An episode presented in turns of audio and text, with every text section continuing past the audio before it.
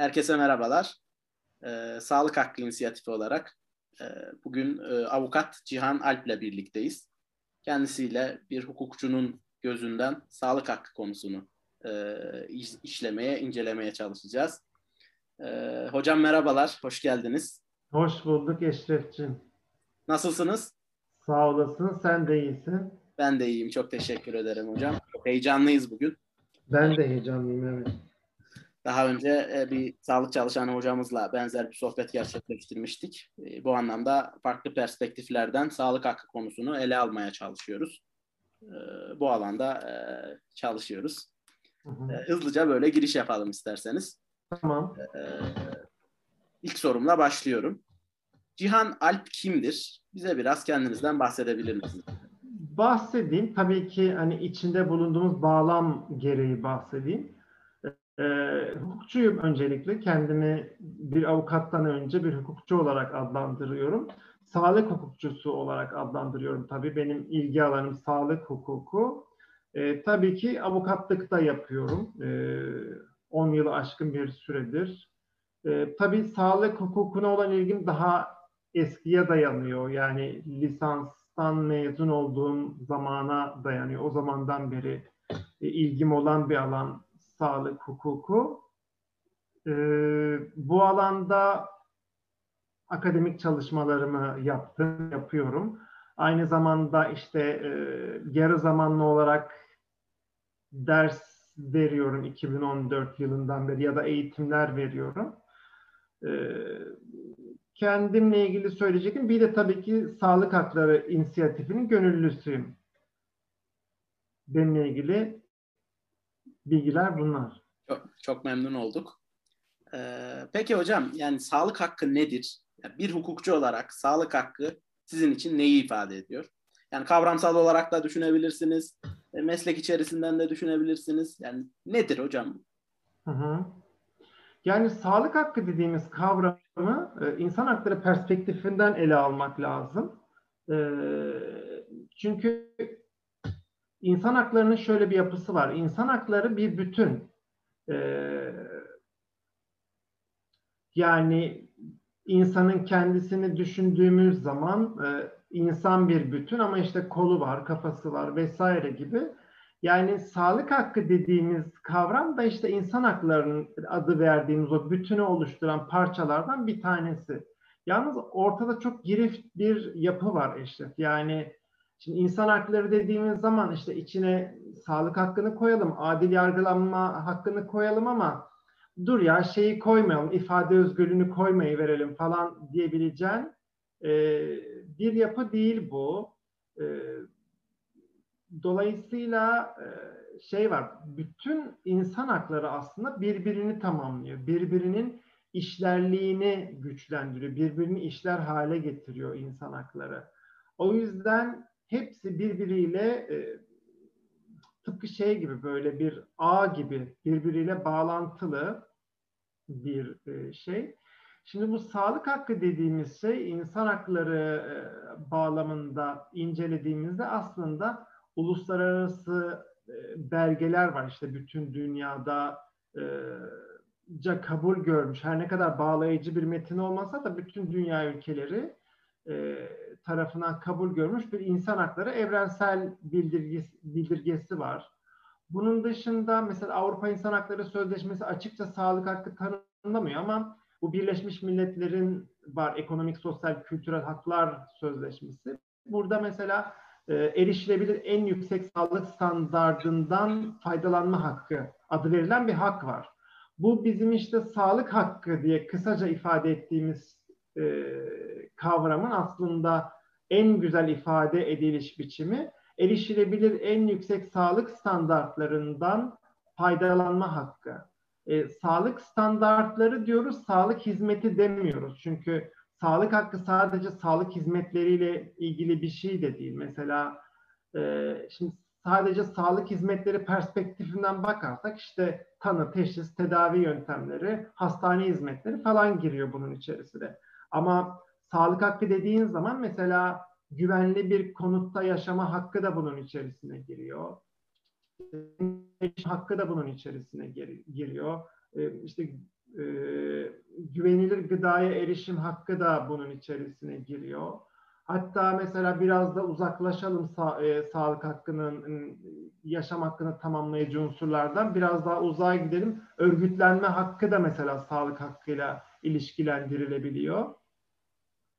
E, dolayısıyla e, aslında bütün bunların bel kemiği de birazcık yaşam hakkı değil mi? Yani yaşam hakkı Şimdi mesela yaşam hakkı dediğimiz zaman buradaki yaşam kelimesi aslında ölüm kelimesinin zıttı olan yaşam değil, daha derin bir kavramdan bahsediyoruz. Yani biyolojik olarak var olmaktan bahsetmiyoruz sadece.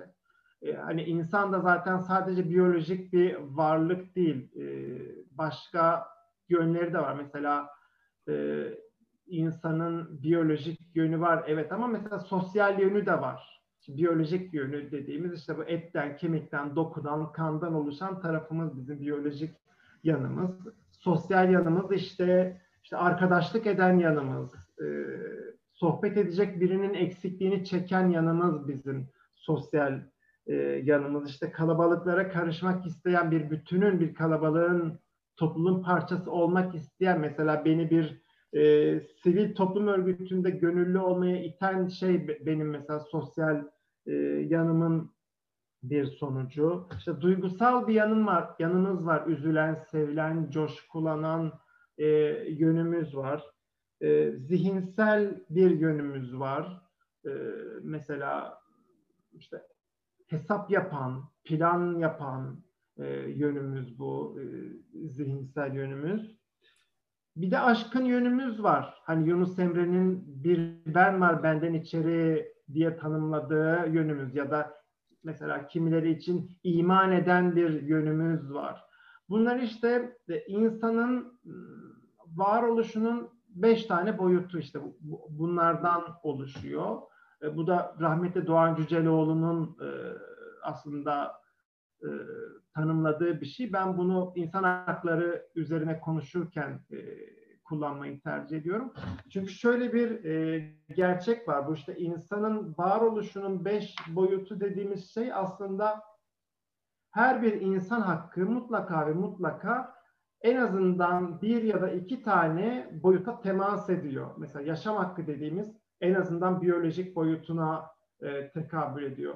Sağlık hakkı dediğimiz zaman hem biyolojik yönüne tekabül ediyor, hem işte e, duygusal yönüne tekabül ediyor çünkü e, sağlık sadece fizyolojik bir şey değil, ruhsal ve sosyal de bir kavram. İşte sosyal yönüne tek, tekabül ediyor gibi gibi çok e, boyutlu, çok girift bir kavramdan e, bahsediyorum, e, bahsediyoruz insan hakları ve sağlık hakkı dediğimizde. Dolayısıyla sağlık hakkının kendine özgü bir e, tanımı yok.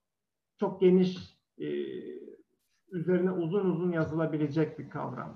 Bir de şöyle bir şey de var, e, bitireyim e, cümlemi. Yani mesela hangi açıdan e, eksiklik hissediyor, eksiklik varsa bir ortamda e, sağlık hakkı e, orayı tamamlayan bir haktır. Böyle de bir e, durumu var sağlık hakkının. Böyle e, çok genişçe ama böyle çok tatmin edici bir giriş oldu benim için de. Ee, şimdiki sorularımı da hem buna göre biraz şekillendireceğim, biraz da Hı-hı. temellendireceğim. Ee, yani aslında sağlık hakkı çok şey. Yani sağlık hakkı e, geleneksel anlamda ya da bizim e, pratikte karşılaştığımız yönüyle hasta ve sağlık çalışanı haklarından ibaret bir şey değil. E, yani terminoloji buna kısıtlamak evet. mümkün değil. Bir sonraki sorum Hı-hı. buydu aslında. Hı-hı. E, yani peki ee, yani insan hakları perspektifinden e, çerçeve anlamında sağlık hakkını anladık. Peki hasta hakkı nedir? Sağlık çalışanı hakkı nedir? Ya bunlarla ilgili e, nasıl bir yaklaşım e, yaklaşımınız var? Nasıl bakıyorsunuz? Şimdi hasta hakkı dediğimiz e, şey daha ziyade sağlık hizmetlerinin sunumu ile ilgili bir şey. Bakın e, sağlık hakkı derken sağlık hakkının içerisinde sağlık hizmetlerinin sunumu sadece tek bir boyutu oluşturuyor. Oysa ki sağlık hakkı çok boyutlu bir kavram. Ama hasta hakları dediğimiz zaman hasta hakları e, zaten sağlık hizmetlerinin sunumuyla alakalı bir şey. E, sağlık hizmetlerinin sunumu esnasında e, hastaların e, yararlanması, e, yani sahip olması öngörülmüş bir menfaat hasta hakları. E, şöyle ki e, bu biraz da böyle sanki e, hani hastaların hakkı mı var? Öyleyse hadi sağlık çalışanlarının da hakkı var gibi sanki birbirlerine koşut, birbirleriyle rakip yarışan iki alanmış gibi gelir ama mesela hasta haklarına hmm, nasıl diyeyim çıkaran hasta haklarını icat edenler hekimlerdir.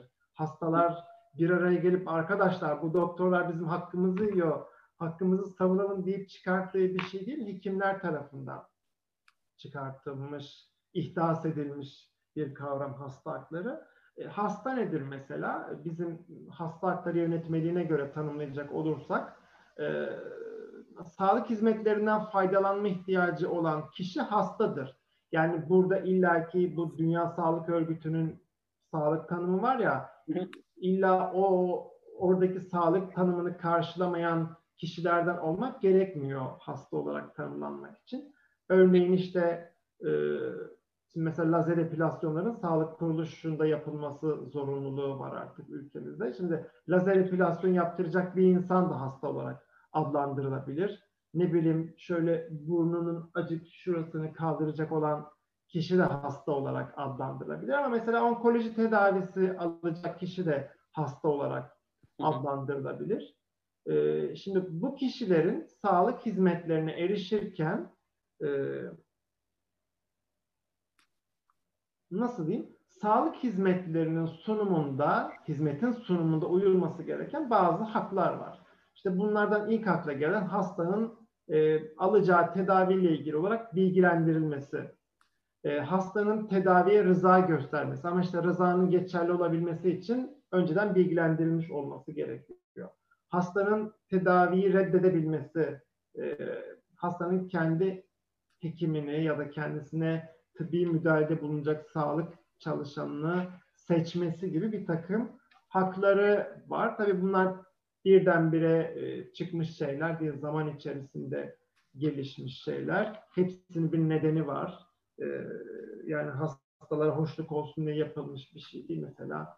E, hani benim bedenim, bedenimle ilgili kararları ben vereceksem eğer e, hangi sağlık çalışanının bana müdahale edeceğini de seçebilmeliyim gibi e, mesela ya da bir başka örnek e, hekim madem bana bir tıbbi müdahalede bulunacak ama neden bu müdahaleyi bulunuyor?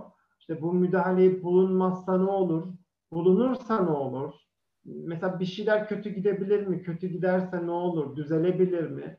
Bunlar gibi e, aslında biraz da yine insan haklarından da e, kaynaklandığını görebiliyoruz bu açıdan baktığımız ama dar bir perspektif, dar bir e, alan biraz da e, şeyle hasta hakları tıbbi malpraktis olgusuyla da ilişkilendirilebilen bir kavram. E, ancak şöyle bir durum da var. Yani her hasta hakkı ihlali bir e, elbette tıbbi malpraktistir. Yani tıbbi kötü uygulamadır. Çünkü sağlık profesyonellerinin e, görev tanımlarından bir tanesi de hastaya hasta hakları doğrultusunda hizmet sunmaktır. E, yani hastayı bilgilendirmezseniz hasta ölmez, yaralanmaz ama hasta hakkı ihlal edilmiş olur ama mesela şey anlamında, yargılama anlamında her hasta hakkı ihlali bir e, tazminat yükümlülüğü doğurmayabilir. E, bunu da dile getirmek lazım. E, çünkü hasta hakları biraz tazminatla da ilişkilendiriliyor ama her zaman için öyle değil. Sağlık çalışan hakları ise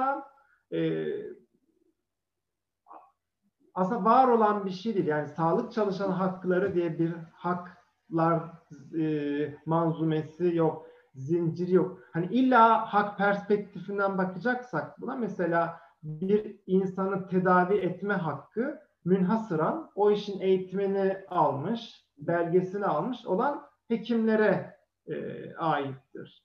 E, ya da başka sağlık çalışanları da var işte ne bileyim fizyoterapist gibi, odyometrist gibi, e, diyetisyen gibi, e, başka e, sağlık profesyonelleri de e, var. Hani onlar da münhasıran kendi mesleğini sunma hakkına sahipler. Yani başka birisi e, onların yerine bu mesleği yapamaz ya da bu ünvana sahip olmayan birisi diyetisyen gibi davranamaz mesela bu hakka sahip değil. Haksa bunlar hak mesela. Bunlar sağlık çalışanlarının hakkıdır. Ama e, sağlık sağlık çalışanı hakları biraz böyle hem hasta haklarını e, sınırlamak, çerçevelemek için e, kullanılıyormuş gibi bazen gözlemliyorum ama e, çerçeveleyemezsiniz. Yani hasta haklarını sağlık çalışan haklarıyla kısıtlayamazsınız. Çünkü birbirleriyle alakasız e, iki alan. Yani sınırları birbirine değmiyor. E, böyle bir yönü var ama şiddet olgusuyla e, ilişkilendiriliyor. Sağlık çalışanının hakları çünkü e, hani sadece sağlık alanında değil şiddet zaten ülkemizde çok e, normalleşme eğiliminde olan bir olgu. E, hani gün be gün olgun e, normalleşiyor, olağanlaşıyor. E, bunun sağlık hizmetlerine de bir yansıması var. İşte sağlık çalışanlarına uygulanan bir e, şiddet var ama bu sağlık çalışanı hakkı başlığı altında inceleyebileceğimiz bir konu değil. Çünkü e, şöyle bir durum var. Her işveren e, çalışanın güvenliğini sağlamakta yükümlüdür. Eğer e, mesleğini eda etmesinden kaynaklı bir risk altındaysa çalışan onun güvenliğini sağlamakla yükümlüdür.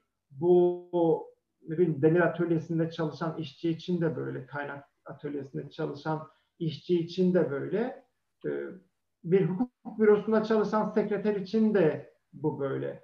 Bunun dışında işte şiddet uygulamak, e, şiddete karşı bir önlem alacaksak mesela e, sadece hekimi dövmek yasak değil. Mesela marangozu da dövmek yasak ya da e, şimendifer bekçisini de dövmek yasak. Ya da işsiz güçsüz yolda yürüyen birini de dövmek yasak. Dolayısıyla bu da sağlık çalışanlarına özgüleyebileceğimiz bir hak alanı değil. E, dolayısıyla hani özetleyecek olursak sağlık çalışanı hakkı diye e, özel bir hak alanı, bir haklar manzumesi yok. Ama konunun şu yönüne de dikkat çekmek lazım. Sağlık çalışanlarının özlük haklarına e, erişimde, erişimlerinde e, sıkıntılar yaşadığını, uygulamada hatta sistemde, uygulamaya geçelim, sistemde buna yönelik sıkıntılar olduğu herkesçe biliniyor. E, belki bu tabii ki sadece sağlık çalışanlarının değil ama en çok buna maruz kalan sağlık çalışanları e, ya da e, en çok kalanlar arasında sağlık çalışanları da var. Belki buna ilişkin yani özlük haklarına erişimleri konusunda iyileştirmelerin yapılması e, gündeme gelirse bunu da sağlık çalışanı hakkı bağlamında değerlendirmek pek mümkün gözükmüyor bana. Ee, ya biraz şey anladım. Aslında sağlık çalışanı hakkı vesaireden ziyade bütün meslek grupları için e, özelleştirilmiş meslek yasaları e, çıkartılabilir. Evet, onların haklarını muhafaza edebilmek adına. Ama yani hasta hakları yönetmeliği gibi e, sağlık çalışanı hakları diye bir e, yasal düzenleme yönerge e, sanırım anayasanın eşitlik e, ilkesine de çok uygun olmayan bir e, düzenleme hmm. olur. Hani bö- böyle bir yaklaşım olamaz diye anlıyorum. Evet zaten şöyle bir durum var Eşref. Şimdi anayasada bir takım dezavantajlı kesimler sayılmış. İşte çocuklar sayılmış, yaşlılar sayılmış, kadınlar sayılmış, e, engelliler sayılmış.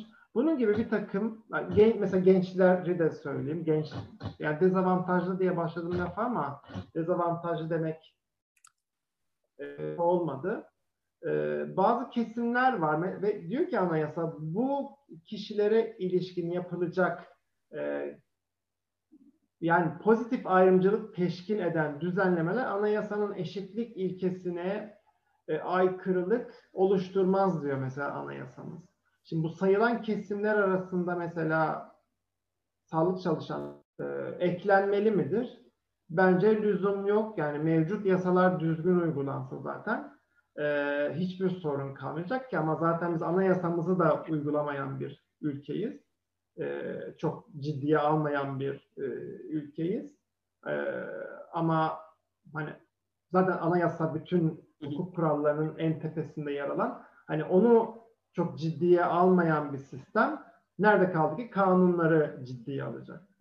Ya burada aslında e, evet sağlık çalışanı haklarının bu anlamda özelleşmesi belki e, ya hukuki anlamda bir şey ifade etmiyor. E, ama e, işte peki ne yapabiliriz hocam? Yani sağlık çalışanlarının işte karşılaştıkları eşitsizlikler, hak ihlalleri ya şiddete karşılık yani sağlık çalışanı haklarına nasıl bir e, yaklaşım getirebiliriz? Yani şunu demiyorum aslında. Yani toplumdan ayrı bir unsur olmaktan bahsetmiyorum ama yani işte evet bir marangozun da e, şiddete uğramaması lazım. E, tabii bununla ilgili veriler ne yönde bilmiyorum ama yani basına veya işte etrafımıza baktığımızda yani sağlık çalışanı haklarının uğradığı şiddetin e, aslında göz önünde bulundurulması gereken düzeyde olduğunu düşünüyorum ben.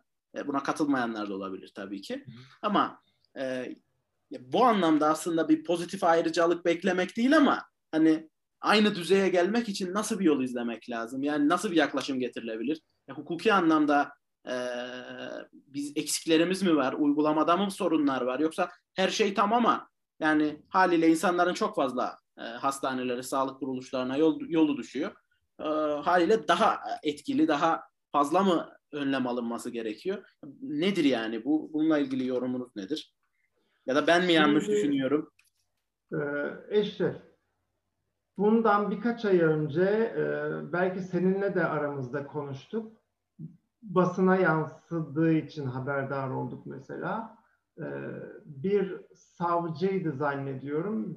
Bir işte sağlık hizmeti almaya bir hastaneye gidiyor. Bir şekilde gerilim yaşıyorlar hekimle ve hop mesela mevcutlu olarak hekime alıp e, karakola mı, işte savcıdan ifade vermeye götürebiliyor. E, yaptığı doğru mu savcının? Yanlış. E, hani savunulabilecek hiçbir şey yok ama mesela şöyle bir durum da var mesela savcının böyle bir yetkisi var. Yani bir e, suç işlendiğine dair yeterli bir şüphe, bakın şüphe diyorum, e, şüphe bir delil değildir yeter, yeterince kuvvetli bir şüphe gördüğü zaman savcının bir kişiyi aldır böyle hop karakola adliye çektirme yetkisi var. Demek ki sistemin e, hukuki anlam sistem hukuki anlamda gerekli enstrümanlara sahip. Şimdi e, mesela ülkemizin sadece bizim konumuzda konuşmuyorum. E, daha geniş bir çerçevede konuşuyorum. Ülkemizin çok kötü kanunları yok. Güzel kanunları var. Hatta bazen çok güzel kanunlarımız var. Mesela sosyal devlete yönelik muhteşem kanunlarımız bazen e, dikkatimi çekiyor. Ama mesela o kanunlarda betimlenen sosyal devleti ben daha görmedim. Ya da işte e, adil bir sistemi e, kurgulayan e, bir anayasamız var, işte hukuk kurallarımız var ama pek de o kadar adil bir sistemimiz yok. Ee, problem hukuk kurallarının yazımından kaynaklanmıyor e, ya da işte eksikliğinden kaynaklanmıyor. Ne yazık ki e, hukuk kurallarıyla bir toplumu değiştiremezsiniz, yönetemezsiniz. E, mesela maske tak, maskesiz dışarıda dolaşmak yasak. Ee, ama ben özellikle son birkaç haftada galiba serbest kaldı diye düşünüyorum. Ee, hukuk kuralı var mı mesela bununla ilgili? Var. Ee, bunun dışında işte kaç yıllar önce belirli alanlarda sigara içmek yasaklandı. Ee, ama o belirli alanlarda hala sigara içmek gelebiliyoruz. Ve sistematik bir şekilde sigara içildiğini denk gelebiliyoruz. Yani e, sistemin yeterli ve gerekli enstrümanları var ama e, sistemi işleten kişiler bunları işletmiyor ya da canları istediği şekilde işletiyor. Böyle bir sorunumuz var. Yani hukuk kurallarının değil insanların değişmesi gerekiyor. İnsanların eğitilmesi gerekiyor. E, hiçbir şekil, hiçbir koşul altında e, kural yazarak bir toplum yönetemezsiniz, toplumu şekillendiremezsiniz. E, bu daha derinlemesine yapılması gereken bir şey, eğitimle yapılması gereken bir şey, bilinçle yapılması gereken bir şey. Bunun yanında elbette ki şu çok açık e, gözüküyor Eşref. Yani benim gözlemim kadarıyla bilmiyorum sen ne gözlemledin ama e, sağlık çalışanlarına yönelik şiddet olguları genellikle kamu hastanelerinde karşımıza çıkıyor. Özel hastanelerde daha seyrek karşımıza çıkıyor. E, bilmiyorum sen buna katılıyor musun ama benim gözlemim böyle. Katılıyorum evet ben de öyle düşünüyorum. E, kuvvetle muhtemel şundan kaynaklanıyor. Özel e, şeylerdeki e, devlet hastanelerdeki hastanelerindeki hekimlerin iş yükü büyük bir ihtimalle daha fazla. Yani bir gün içerisinde bakmaları gereken hasta sayısı daha fazla. Bu 3-5 dakikayla ifade edilebiliyor ki yani ben yıllardır bir hekimin yanında 10 dakika kaldığımı hatırlamıyorum. Arkadaşım değilse eğer. Ee, şimdi bir tarafta bir sistematik bir muayenenin en azından 20 dakika yapılması gerekiyor. Tıp bilimi bunu söylüyor. Ama sizin sağlık sisteminiz üçer beşer dakikalarla e, muayene yapmaya çalışıyor. Zaten kavga şeyden başlıyor. Doktor beni bekletti. Sen benim önüme geçtinden başlıyor kavga. Yani çok böyle içinde gaz ve zonottundan başlamıyor. Daha poliklinikte başlıyor kavga. Dolayısıyla burada yapılması gereken zannediyorum sağlık sistemindeki o gerilimin azaltılması gerekiyor diye düşünüyorum. Bir taraftan sağlık çalışanlarının üzerinde korkunç bir iş yükü yığılmış durumda. Diğer taraftan da e, şey var. Yani hastalar mutlu olsun, mesut olsun diye sizin haklarınız var, şöyle haklarınız var, böyle haklarınız var gibi sanki her köşe başında şey varmış gibi e, hani böyle çok pahalı özel hastaneler olur ya üstünde tutar. Sanki her köşe başındaki devlet hastaneleri o standarttaymış gibi e, sanki giriyormuşsun da doktor seni 45 dakika muayene ediyormuş gibi e, işte şöyle haklarınız var, böyle haklarınız var diye körüklenip duruyor. İşin içine bir de tazminat faktörü girdi işte 2011'de mi ne hatırlayamadım şimdi ama e, hekimlere bir zorunlu mesleki mesuliyet sigortası yapma zorunluluğu getirildi. İyi ki getirildi tabii ki. Ama getirilmesiyle birlikte e, tazminat davaları da popülerlik kazandı. Mesela böyle bir yanı da var. Yani bu elbette ki hekim hatasından dolayı zarar gören kişi hakkını e, hukuki yollarla arayacak. Başka ne yapsın? Neyi önerebilirsiniz ki bir kişi? Elbette ki arayacak ama hani nasılsa sigortası var hekimin biz bir açalım bir şey tutturursak e, şeklindeki bir e, uygulama, bir pratik e, bir hekimin yetişmesi ne kadar sürüyor? İşte 11-12 yıl zaten sırf şey eğitimi var. İlk orta ve lise eğitimi var. Üzerine 6 yıl e, daha koyuyorsun. 18 yıl uzmanlık eğitimleri 2-3 yıl herhalde değil mi? Yani en az 3 yıl e, ama genelde 4 yıl ve cerrahi bölümlerde de 5 yıl. Aile hekimliği yani işte, bölümlerde 3 yıl. İşte 21-24 yıl eğitim, sırf eğitim hayatı 24 yıl e, sürmüş bir insanın e, çalışma hevesini kaçırıyorsun, baltalıyorsun bu yöntemle.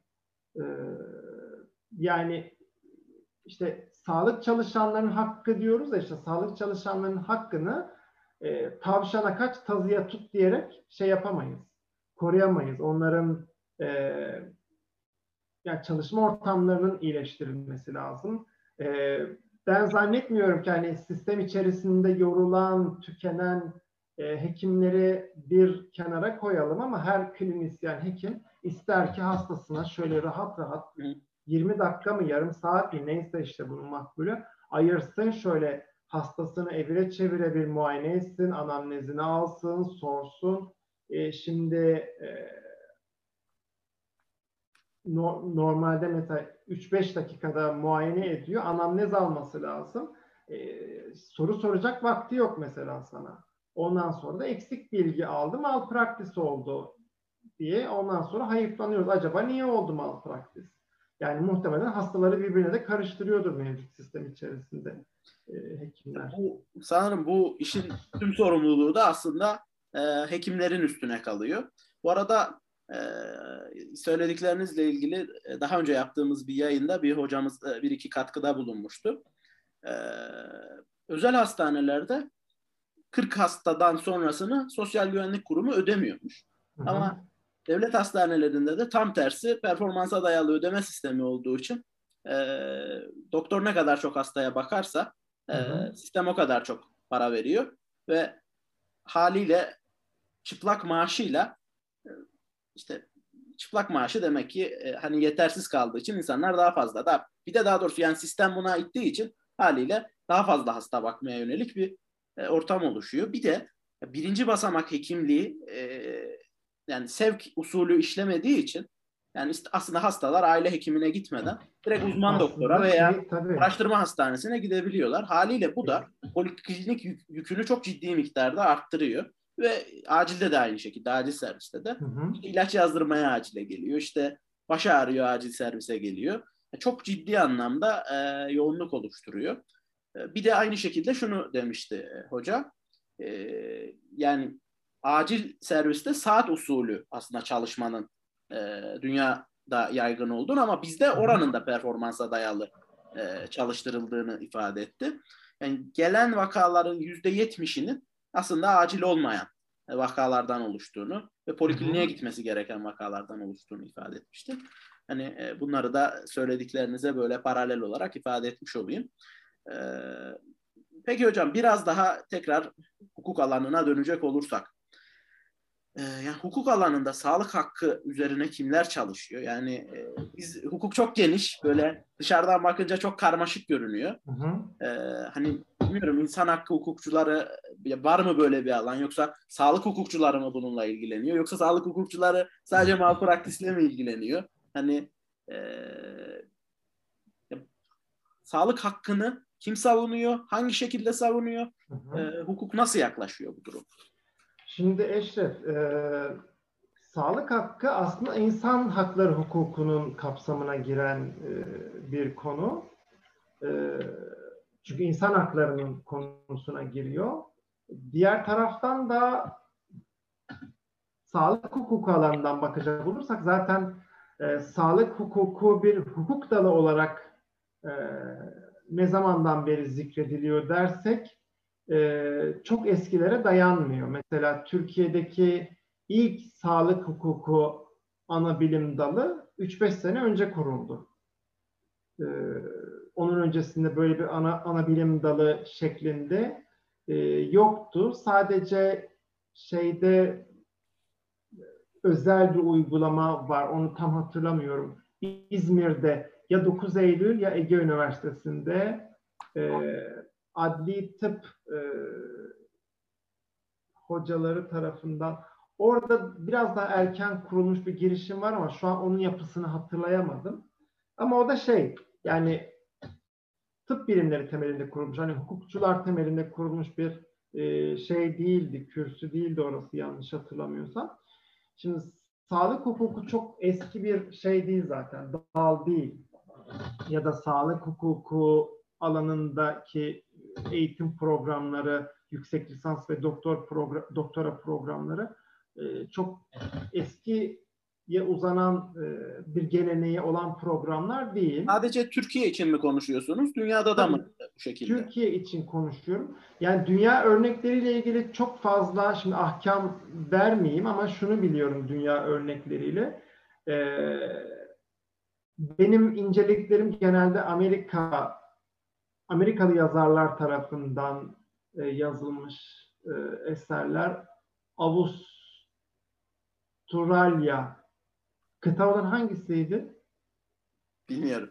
Avustralya evet Avustralyalı e, bir yazarın eserini okumuştum mesela. Oradaki sağlık hakkı oradaki sağlık hakkı algısı biraz daha farklı. Bizde mesela sağlık hukuku, pardon sağlık hakkı dedim, sağlık hukuku, hukuku diyecektim. Bizde mesela sağlık hukuku dediğin zaman kafa böyle malpraktise kayıyor, tazminata kayıyor. Çünkü para orada. Oradan para kazanıyorsunuz. Ama sağlık hakkından para kazanamıyorsunuz. Sağlık hakkından para kazanabilmeniz için işte gidip anayasa yani avukat olarak konuşuyorum. İşte Anayasa Mahkemesi'nde ne bileyim oradan da olmazsa Avrupa İnsan Hakları Mahkemesi'ne falan dava açmanız gerekiyor ki o şekilde avukatlıktan ancak para kazanabilirsiniz. Dolayısıyla zaten sağlık hakkı para para kazandıran bir hak değil. Ama bunun yanında mesela malpraktisten para kazanmak mümkün. Dolayısıyla bizde sağlık hukukçuları e, tabii yani genelleme yapmak doğru olmaz ama e, sağlık hukuku dediğiniz zaman e, sağlık hakkı böyle şu kadar bir yer oluşturuyor. Tabii şunu da söylemem lazım. Yani çok da eleştiriyorum şeyleri ama yani eğitim e, müfredatlarını eleştiriyorum ama şöyle bir şey de var. Şimdi e, yüksek lisans veya doktora programı dediğiniz yer şey değil hani e, kreş değil sana ne öğretirlerse onu alırsın değil. Kendin zaten orada e, ben bilgi üreteceğim iddiasıyla oraya giriyorsun. İşte tez yazıyorsun. Tezli programlarda en azından. Tez yazacağım. Tezsiz programlarda da proje üretiyorsun. Yani ben bu işin sonunda bir bilgi üreteceğim iddiasıyla giriyorsun programın içerisine. Ben de şimdi doktora e, eğitimi aldım. Şu an tez aşamasındayım. Ben de mesela sağlık hakkı ile ilgili bir eğitim almadım ama ben zaten hukuk fakültesinde e, lisans programında zaten insan hakları ile ilgili temel eğitimi almıştım. E, bir sonraki sorum da bununla ilgiliydi aslında. Yani hukuk fakültesi ya buna bunu bağlayabilirsiniz. Hani Hı-hı. hukuk fakültesinde ve daha sonra aldığınız yüksek lisans, doktora eğitimleri esnasında hani sağlık hakkı konusunun ağırlığı neydi? E, yani nasıl olması gerektiğini düşünüyorsunuz? E, yeterli miydi? E, sözünüzü de kesmiş olmak istemem ama. Hı hı. Anladım. Şimdi şey de e, hukuk fakültelerinde önce şeyi bitireyim. Yani ben mesela sağlık hukuku ile ilgili özel bir yani insan hakları bağlamında bir sağlık hakkı ile ilgili özel bir eğitim almama rağmen e, tezimin bel kemiğini, doktora tezimin bel kemiğini sağlık hakkı oluşturuyor. E, sağlık hakkına dayalı hak temelli bir yaklaşımla e, yazdığım bir konum var mesela. Bu benim tercihim. Bunu işte yüksek lisans okuyan, doktora okuyan herkes yapabilir. E, veyahut da hukuk fakültesi lisans programından mezun olmuş her öğrenci de ilgisini çekiyorsa eğer sağlık hakkı üzerinde çalışabilir. Zaten e, soruna geldim. Lisans programlarında özel olarak o, o öğrenciye sağlık hakkı öğretmeye lüzum olmadığını düşünüyorum. Hani in, çünkü yani o yaklaşımına gidersen hukuk fakültesinin 25 yıl falan sürmesi gerekiyor. Ee, orada amaç zaten e, öğrenci ya da mezunu mezun olduktan sonra sağlık hakkı ile ilgili e, bilgiye erişebilecek bir e, birey yetiştirmeye çalışıyor fakülte. Amacı bu yani. Dolayısıyla her bir hak için tek tek e, şey eğitim, içerik e, yok e, hukuk fakültesinde. E, elbette e, nasıl diyeyim hani hakların insan hakları öğretilirken insan haklarına özgü bir takım ayrımlar var, sınıflandırmalar var. İşte her hak bir sınıfın içerisine giriyor. O sınıfın bir takım özellikleri var. Her sınıfın özellikleri var. Bunlar öğretiliyor ama hani sağlık hakkı diye özellikle böyle e, öğretilmesine ben lüzum olduğunu düşünmüyorum. Teşekkürler. Ya, ya bir taraftan da hani sağlık hakkı konusunu e, incelerken ya birçok aslında disiplini ilgilendiren de bir mesele. Yani çalışma alanı açısından. Hı hı. Haliyle ya, bu noktada biraz e, derinlikli bilgi edinmek yararlı oluyor gerçekten. Yoksa e, biraz böyle hariçten konuşmak e, ya da hariçten hareket etmek e, de olabiliyor. E, o anlamda şey biraz hukuk eğitimini e, de tanımak yararlı oldu diye düşünüyorum. Ya siz konusuna girmişken hani soruyu sormak istiyorum. Yani sağlık çalışanları çok ciddi miktarlarda tazminatlara mahkum ediliyor. Elbette Türkiye'den ibaret değil, tüm dünyada. E, oluyor. Ama tabii benim e, kendi gözlemim e, yani Türkiye'deki davalarda e, sağlık çalışanları gelirlerinin çok üstünde tazminatlara mahkum ediliyorlar. Evet. Yani bununla ilgili sanırım çeşitli yasal düzenlemeler varmış. Geçmişte e, devlet bir kısmını ödüyormuş bunun ya da farklı uygulamalar varmış. Yani malpraktis davaları konusunda siz ne düşünüyorsunuz? Buradaki uygulama e, şeyleri, pratikleri nedir? Yani sağlık hakkı konusun, konusunda çalışan hukukçuları sağlık hakkının geliştirilmesine katkı sağlıyorlar mı? Nasıl bir katkı sağlıyorlar? Yoksa yoğunluklu olarak malpraktis davaları ile ilgilenerek e, yani bu, buna mı yoğunlaşıyorlar? Bir de buna bağlı olarak yani e, bu malpraktis davaları hep e, işte, sağlık çalışanlarının aleyhine mi e, sonuçlanıyor? E, bununla ilgili böyle basına yansıdığı gibi ya da sağlık çalışanlarının e, algılarına baktığımızda hani hukukçularla ilgili bu anlamda farklı yaklaşımlar var. E, bunlar ne kadar gerçek? E, gerçek nedir yani? Böyle uzun bir soru oldu ama kendimi ifade edebildim mi bilmiyorum. Yani bunun cevabı da çok uzun olacak. Yani aslında söylemek istediğim birçok şey var ama muhtemelen e, cümlenin sonuna doğru bir kısmını unutmuş olacağım. Öncelikle şunu söyleyeyim Eşref. E, burada sağlık çalışanlarının büyük tazminatlarla yüzleşmesinin sebebi zararların büyük olması.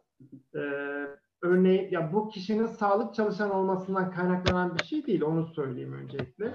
Şöyle bir örnek verelim e, işte asgari ücretle çalışan bir kişi araba kullandığı sırada e, trafikteki bir kusurlu e, hareketi nedeniyle diyelim ki bir doktora ezdi.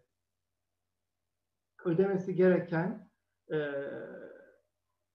tazminat miktarı muhtemelen ruhunu satsa karşılayamayacağı bir miktar. Bu neden kaynaklanıyor? Çarpan kişinin zengin olmasından değil, zararın boyutunun büyük olmasından kaynaklanıyor. Çünkü mesela bir şey söz konusu olduğunda ölümlü bir e, ölümle sonuçlanan bir olay söz konusu olduğunda ve bunda da e, hekim gerçekten kusurluysa e, şöyle bir durum oluyor. Bir manevi tazminat unsuru var. Özellikle ölen kişinin birinci derecede yakınlarının. Birinci demeyelim ona, e, yanlış bilgilendirmiş oluruz. Yakınları diyelim. Yani yakınlarından kasıt. E, bu annesi, babası, çoluğu, çocuğu da olabilir ya da aynı evde yaşadığı sevgilisi, hayat arkadaşı da olabilir. İlla bilmem kaçıncı dereceden bir şey, bir şeklin şemalin içinde olması şart değil bu kişinin. Mesela annesi babası olabilir ama e, işte doğduğundan beri, beri görüştüğü babası olamaz mesela. Bakın buna dikkat çekmiş olayım. E, şimdi bu kişilerin her birinin mesela manevi tazminat talep etme imkanı var. Bu cepte. İkincisi eğer ölen kişi e, sağlığında yani yaşadığı dönemde birilerine maddi destek sağlıyorsa, birilerine bakıyorsa eğer bu maddi destekten yoksun kalan kişiler de destek, destekten yoksun kalma tazminatı talep edebiliyorlar. Ve tazminat biraz daha büyüyor. Bunun yanında işte hmm, belki e, tedavi için yani işte ölümle sonuçlanan tedavi için yapılan bir masraf varsa bu da tazminata ekleniyor. İşte e, bir malpraktis neticesinde kötü bir durum çıktı. Bunun giderilmesi için diyelim ki yoğun bakım masrafı yapıldı. Bu da tazminatın içerisine ekleniyor ve bu e, işte bütün bunlar kimin kusurundan kaynaklanıyorsa e, ondan talep ediliyor. Yalnız sistem şu şekilde yani e, direkt olarak doktora dava açılıyor şeklinde işlemiyor sistem. Birincisi bu olay devlet hastanesinde yaşanıyorsa bu idari yargının konusuna girer. E, mahkemesi idare mahkemesidir. Farklı hukuki dinamiklerle işler bu. Ve siz böyle bir durumda gidip doğrudan doktora dava açamazsınız mesela. Açarsanız reddedilir davanız. Özel bir hastanedeysek eğer e, burada istersek gidip direkt doktora dava açabiliriz. Elbette bunun önünde bir engel yok ama genellikle bunun makbulü en azından e, ilgili hastaneye, ilgili özel sağlık kuruluşuna dava açmaktır, husumeti yöneltmektir. E, daha mantıklıdır, daha güvenlidir. Çünkü ekonomik olarak doktorun ekonomik gücüyle hastanenin ekonomik gücü birbirine kıyaslanamaz ve burada e, borçlar hukukumuzdan kaynaklanan bir şey var. Yani hastane burada şeyi istihdam ettiği için doktoru istihdam eden kişi pozisyonda olduğu için istihdam ettiği kişilerin verdiği zararları da hastane karşılamak zorunda. Ama elbette sonradan hekimle aralarında hesaplaşabilirler. Ama bu demek değil ki özel hukukta yani bir özel hastanede işte hekim bir malpraktis, tıbbi malpraktis gerçekleştiğinde hekime dava açamam demek değil. E, sadece ilk söylediğim yöntem daha uygulanabilir. Bunun dışında diyelim ki hiç hastaneyi falan karıştırmadık. Muayenehane ortamında e, hekim şey yaparsa bir malpraktis gerçekte ya bir tazminat sorumluluğu söz konusu olursa orada elbette ki artık hekim direkt olarak şeyin kendisi pardon muhatap hekimin kendisi ama bu e, tazminatların yüksek olmasının şeyle bir alakası yok. E, yani sistemin doktorlara gıcığının olmasıyla falan bir alakası yok. Bu zararın boyutunun büyük olmasından kaynaklanıyor. Bir de e, birazcık da böyle şey hususu var. Yani bu malpraktis olgusu biraz sanki fazla körükleniyor. Sanki bir para kazanma e, bir belki de kim bilir yani kimsenin günahını alamayız ama belki zengin olma niyeti mi güdüyorlar bazı kişiler. Yani bunu bilmiyorum. Ben hiç karşılaşmadım ama belki bazı bunu körükleyen avukatlar da olabilir. Ben duydum ama kaçıncı ağızdan duydum yani kendim tanık değilim böyle bir uygulamaya. Ee, bunun dışında elbette ki bir sağlık çalışanı kusurlu bir hareket e, yaptıysa cezasına katlanacak. Hem hukuk anlamında, tazminat anlamında hem ceza hukuku anlamında elbette e, hatasının bedelini ödeyecek. Bu sadece hekimlere özgü bir şey değil. Ben de mesela bir avukat olarak e, bir hukuki malpraktis, bir mesleki malpraktis uyguladığımda ben de bunun bedeline katlanmak zorundayım. Sorumluluğunu e, taşımak zorundayım. Yani Peki ya bunu biraz derinleştirmek istiyorum. Yani peki bu malpraktisler yani her zaman çok hayati e, konulardan dolayı mı e, malpraktis? Ya bu arada hiçbir konuyu küçümsemiyorum ama örneğin hı hı. yani can kaybı, uzuv kaybı farklı bir konu. E, ama atıyorum aydınlatılmış onamla ilgili sıkıntılardan kaynaklı da eminim e, malpraktis davalar oluyordur. Ya bunların yoğunluğu ne şekilde? E, ya da yani yaygın olarak malpraktis davaların nelerden kaynaklanıyor? Yani somut anlamda işte hastanede yapılan hangi işlemler ön plana çıkıyor?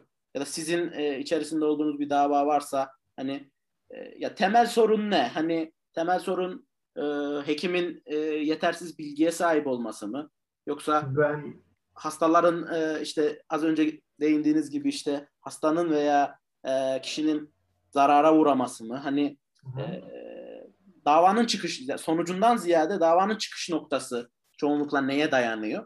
Yani bilmiyorum bununla ilgili bir genel yorum yapılabilir mi acaba? Yani ben ancak kendi gördüğüm kadarıyla genel yorum yapabilirim. Bütün e, Türk sağlık evet. sistemine ilişkin bir yorum yapamam. Kendi gördüklerimde mesela şey var. E, çok güzel iletişim kurmayı bilmeyen hekimler var. Hı hı. Yani e, kötü iletişim kurma konusunda adeta e, kutsanmışlar. E, yani en şey hastayı bile çileden çıkaran, nasıl yapıyorlar bunu? E, şey, ilgilenmeyen, işte komplikasyon gelişiyor. Komplikasyon e, kabul edilebilir bir komplikasyon ama sahip çıkmıyor. Hani ben yaptım yapacağımı, artık gerisi senin kaderine kalmış bir şey şeklinde. Hastasına sahip çıkmayan, onu yalnız bırakan, e, komplikasyonun sorumluluğunu almayan, onun komplikasyonla e, yüzleşmeyen, e, mesela bazı hekim arkadaşlarımla sohbet ediyorum. Tabii şey e, devlet hastanesinde çalışan ve sistem tarafından acımasızca yorulmuş hekimler şikayet ediyor. Diyor ki bazı hastalar diyor illa mıncıklanmak istiyor, ellenmek istiyor. Sanki biz onları elimizle muayene etmezsek şey sayılmamış, e, hani muayene etmemiş sayılıyoruz. Haklılar kendileri çünkü hekimlik bilginin yanında sezgiyle de yapılan e, bir meslek. Sezgiyle de hastanın durumunu tespit edebiliyorsun ama e, takdir edersiniz ki ben sağlık hukuku alanında yıllarca çalışmış, işte dirsek çürütmüş bir insan olarak ben bile hastaneye gittiğimde başı kesik tavuğa dönüyorum. Burada bir sağlık çalışanı tarafından bana illaki hekimler değil, herhangi bir sağlık çalışanı tarafından bana e, empatiyle yaklaştığında, bana özenli yaklaşıldığında ben zaten e, şeyden eriyip bitirip bitiyorum. Yani bana e, şöyle sırtıma şöyle yapsalar ben e, mest olacağım. O kadar çünkü insan e, kontrol duygusunu kaybediyor. Kendi bedeni üzerindeki kontrol duygusunu kaybediyor.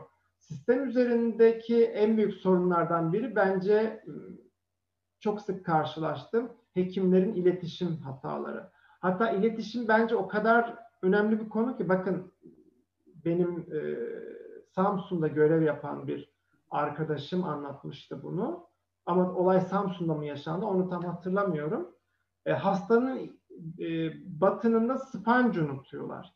Yani ameliyat sırasında hiç beklenmedik bir kanama bozukluğu gelişiyor. E, zannediyorum şeydi, sezaryen öyle hatırlıyorum. Öyle anlattıklarına göre hasta şakır şakır kanıyor ve apar topar hastayı kapatmak zorunda kalıyorlar. Ve e, kapatırken e, bir adet spancı içeride unutuyorlar. Sonra hemşire sayıyor ki işte hocam bir spancımız eksik. Yani bu olayda mesela bu çok güzel bir malpraktis. Yani git aç davayı, açılabilir. E, ama e, şöyle bir durum var. Mesela bu anlattığım olayda hekimle hasta ve hasta yakınları arasında o kadar güzel bir iletişim kurulmuş ki hiçbir şekilde yargıya yansıtılmadan olur hocam siz işte zaten elinizden geleni yapmışsınız hastamızı kurtarmak için. Olur o kadar falan gibi bir yaklaşımla e, taraflar kendi aralarında e, telafi edebiliyor. Dolayısıyla e, iletişim konusunda bence çok e, mesai harcanması gerektiğini düşünüyorum. E, ben kendi başıma gelen bir şey aslında biraz az önce spoiler verdim ama annem bir ev kazası geçirdi ve el cerrahisine gitme ihtiyacı hissettik. E, yani gereksinimi doğdu. Çapa'nın el cerrahisine gittik. Orada benden hmm, bende, bendeni boş verin de işte böyle asistan muhtemelen asistan el cerrahisinde olduğuna göre bir delikanlı şimdi annemin yarasına pansuman yapılacak açtı işte şurayı hissediyor musunuz burası böyle şurası şöyle bakın işte eliniz böyle olacak ama işte zamanla şöyle şöyle olacak siz bunları bunları yapın.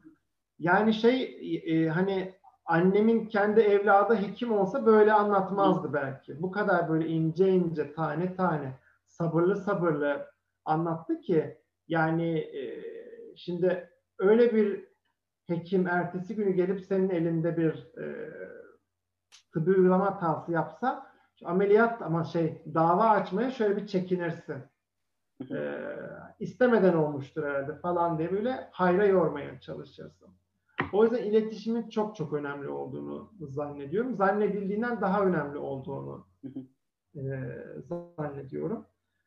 E, bunun dışında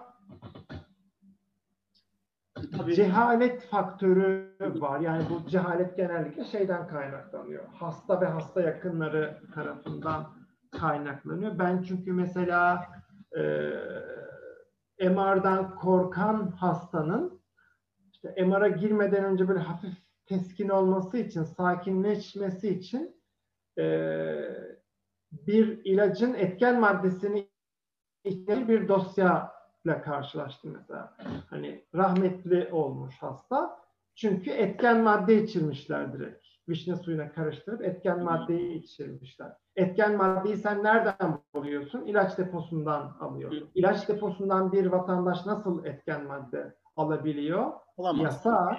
Bakın hukuk kuralı var. Yasak ama tanıdığı eczacı deposundaki çalışan veriyor. Ee, bu yani kural yazarak önüne geçebileceğiniz bir engel değil. Cehalet faktörü var. Bazen tıbbın kendi riskleri var işte. Mesela işte entübe edilirken ölen hasta gibi e, böyle şeylerle karşılaşmak mümkün ama kaçınılmaz değil. Kaçınılabilir e, durumlar bunlar. Bunun dışında mesela karşılaştım. Bu mesela biraz şey böyle hani malpraktis popülaritesi, körüklenmesinden. Mesela Down sendromlu bebeğin doğumunda e, tazminat davası açılması. Şimdi bunun tespit edilmesine yönelik bir takım testler e, varmış gebelik sürecinde yapılan. E, şimdi yani çocuğu Down sendromlu çocuğun Down sendromu doğması bir hekim hatası değildir. Hı hı. Ama e, Down sendromlu doğmasın doğacağı muhtemel bir e, bebeğin Down sendromu doğacağını öngörememek mesela bir hekim hatasıdır. Hı hı. İşte bu gebelik sürecinde yapılan bir takım testleri yaparsın ve buradan gözüküyorsa ama gözüktüğü halde sen bu riskle ilgili e, bildirmezsen aileyi bu bir malpraktistir. Bildirirsen, bilgilendirirsen sorun değildir. Ama mesela zamanında yapılması gereken testlere hasta, gebe kadın yaptırmamışsa bu şeyin e, sorumluluğuna girer. Peki e, hastanın sorumluluğuna bu, girer. Burada şöyle e, araya girmek istiyorum. Yani ben hekim olarak bilgilendirdim. E, ama yani hasta diyor ki yok bilgilendirilmedim ben.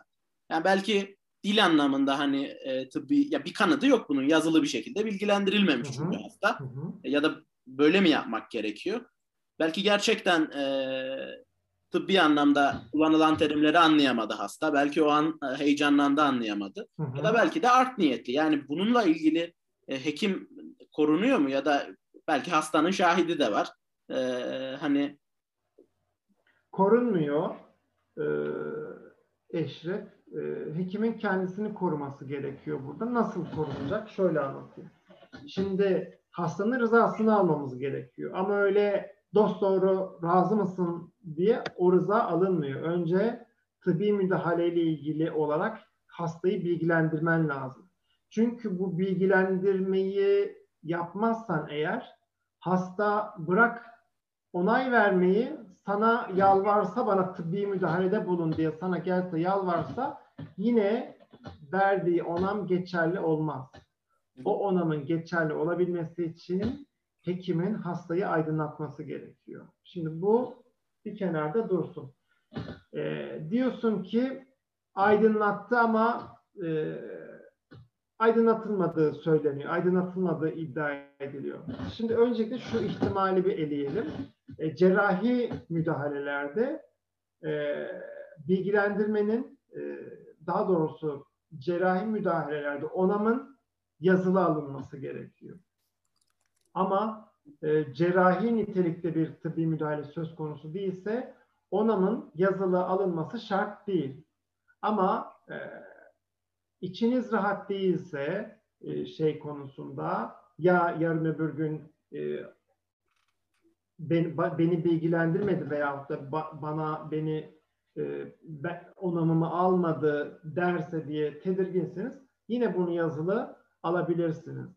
Ne yazık ki e, bu konuda da çok geride olduğumuzu düşünüyorum. Hem özel hastanelerde hem devlet hastanelerinde matbu bir e, aydınlatılmış onam formu var. Bu matbu aydınlatılmış onam formlarının içindeki boşluklar dolduruluyor ve adı aydınlatılmış onam oluyor bunların. Fakat bir formun hasta tarafından imzalanması hastanın e, aydınlatıldığı anlamına gelmez. Çünkü e, hastaya sorular da sorabilmesi için ortam yaratılması e, gerek. Yani ne yazık ki mevcut sistemin içerisinde yine geliyoruz. Yani işte bir yandan burada şey 3 dakikada 5 dakikada hem çok reçete yazarken iletişim, hem mükemmel bir aydınlatılmış onam çok mümkün değil sanırım. Bir en basitinden bak aydınlatılmış onama gelene kadar yıllar evvel cildiye gittim bana 3 tane krem verdi. İşte bir tanesini günün belli saatlerinde kullanacağımı söyledi. Bir tanesini yüzüme süreceğimi söyledi. Ben mesela hiçbir zaman bilmiyorum. Aradan 10 yıllar geçti. Hiçbir zaman öğrenemedim hangisini ne zaman süreceğimi bilmiyorum mesela. Nerede kaldı ki e, daha komplike bir yapıda e, bu koşullar altında hastayı bilgilendirebilirsin. Ama ne yazık ki bu hekimlerin üstündeki sorumluluğu kaldırmıyor. İşte iş yoğundu, bilgilendiremedim. Olmuyor ne yazık ki. Ama yani şeyi tam anlayamadım. İşte bir kadın doğum e, hekimi işte baktı ultrasonda gördü ve e, belirtti. Yani dedi ki bu çocuk, e, bu bebek e, Down sendromlu olarak doğma ihtimali yüksek dedi. Evet. Şimdi ya bunu nasıl kayıt altına alacak ki? Hani bununla ilgili her hastaya ya genel bir aydınlatılmış onam imzalatmak hastanenin girişinde e, hekimi Hı-hı. koruyan bir şey mi? Yani bununla ilgili aydınlatılmış onam zaten imzalatamazsınız. Hı hı. Ee, tıbbi kaydınızı tutarken mesela ben yapmadım hiç tabii bunu bilmiyorum. Hı hı. Sadece benim aklıma gelen bir yöntem. Tıbbi kaydı e, tutarken işte hani hastanın bebeğin Down sendromlu olabileceğine dair şöyle bir bulgu görüldü. Hak işte bununla ilgili hasta bilgilendirildi Anladım. şeklinde yazdığınız takdirde yani şöyle bir ön kabul içerisindeyiz Eşref. Hiçbir hekim bilgilendirmediği halde bilgilendirdim diye tıbbi kayıt tutmaz. Hiçbir hastada bilgilendirildiği halde bilgilendirmedim, bilgilendirilmedim demez ön kabulüyle yaklaşıyoruz zaten. Anladım. Ee, yani aslında e, ne kadar zaman e, kısıtı ya da dezavantajlı koşullar olsa da e, bir şekilde e, yazılı evrakta ya da herkesin e, kendi dokümantasyonunu çok iyi yapması gerekiyor. Fayda var evet. Yani burada hekimler kendi tıbbi kayıtlarını kendileri de tutabilirler bence. bu konuyla ilgili son bir soru daha soruyorum. Sonrasında da zaten epeyce vakit oldu. Tamamlayalım isterim. hocam yani cerrahi branşlar şu an çok büyük ölçüde e, Türkiye'de az tercih ediliyor ya da işte yurt dışına ciddi anlamda e, beyin göçü var. E, uzmanlık sınavında da cerrahi branşların puanları oldukça düşük. Ya bir yerlerde bir eksiklik var. Yani hı hı. E, haliyle yeni asistanların e, yetişmesi ya da bir yere asistan olarak başladınız. Sizden başka alanda asistan olmadığı için çok ciddi iş yükü var. Böyle sistem kendi kendisinin içerisinde çok ciddi bir dezavantaj yaratmaya başladı. Cerrahi branşlar adına söylüyorum. Hı hı. Yani e, yine dediğim gibi hani ben uzman olarak konuşmuyorum ama hani benim de gözlemim bu. Çok yaygın bir kanaat olduğunu düşünüyorum bunu. Ya bu noktada e, malpraktis davalarının e, etkisinin olmadığını söylemek e, mümkün değil. E, sağlıkta şiddetin de e, ciddi etkisi var. Ya şu şu kısım tamam evet. Hastanın ya gerçekten bizim acaba e, kanunlarımız, yasalarımız mı çok idealize. Başlangıçta da demiştiniz yani yasalar falan çok güzel. Sistemimiz e, o kadar kötü değil ama hani uygulanma e, noktasında ve hani detay e, kısmında sıkıntılar yaşıyoruz gibi anlamıştım. Ya acaba yani bu idealize sisteme mi biz e, uyum sağlayamıyoruz? Yani sadece vatandaşlar olarak da demiyorum. Sağlık çalışanları olarak, hukukçular olarak. Yani bu sorunun temeli ne ve e, sizce çözümü ne olabilir? Çünkü e, ciddi anlamda e, şu an Türkiye'de cerrahi branşlarda hekim açığı muhtemelen önümüzdeki yıllarda da artarak devam edecek. Yani gerçekten yüzde seksen yani yüzde yirmi, yüzde on başarı oranıyla yapılacak ameliyatlar haliyle ben şu an hekim değilim ama hekim olduğumda da duyduğum kadarıyla işte hem maliyet anlamında yani devlet hastanesinde yüzde yirmi başarı oranıyla bir ameliyat yapıyorsunuz. 6 saatlik, 7 saatlik bir ameliyata giriyorsunuz.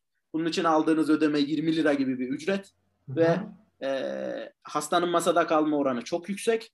Şimdi hasta masada kalıyor. Yani nihayetinde sizin hastanız ve şey yani ne kadar e, hani mesleki dezenformasyon falan olsa da e, ya bir şekilde bir insanın ölümünü görüyorsunuz orada sizin elinizde. Bunun hem e, yıpratıcı yönü bir yana bir de bunun üstüne malpraktisle e, hani e, uğraşıyorsunuz. Ya ben tabii bu bir perspektiften yaklaşıyorum şu an olaya. Yani yoksa kimsenin sorumluluğunu e, ortadan kaldıran bir konudan bahsetmiyorum. Hani e, ama ne olacak bu işin sonu? Yani ya da ne olmalı? Yani nasıl bununla ilgili yol alabiliriz? Sizin e, bir e, fikriniz var mı? E, biraz da böyle bilmiyorum karışık da bir konu. Çok yönlü. Yargılama perspektifinden bakacağım olaya elbette. Ee, şimdi yargılama perspektifinden baktığımız zaman cerrahın kurdu yine cerrahtır. Çünkü yani orada e, cerrahın başını belaya sokan kişi hukukçu değil. Yine bir cerrah. Hangi cerrah bu? Bilir kişi olan. Yani her tıbbi malpraktis dosyası yani e, hekim okuyup da böyle tadı misali o haklı o haksız deyip de kimseye ceza kesmiyor. Hı hı. E, dosya bilir kişi tarafından inceleniyor. Bu e, genellikle adli tıp kurumu oluyor. E, ama adli tıbbın da çok sağlıklı raporlar ürettiğini söyleyemeyeceğim ne yazık ki. E, bazı durumlarda işte üniversite hastanelerinde işte ilgili ana bilim dallarından e, bir e, bilirkişi heyeti oluşturulabiliyor. Ve bu bilirkişi heyeti e, cerrah tarafından yapılan tıbbi müdahalenin tıp biliminin gereklerine uygun olup olmadığına karar veriyorlar. Onlar karar veriyorlar yani. Hukukçu karar vermiyor. Tabii araya şöyle bir şey gireyim,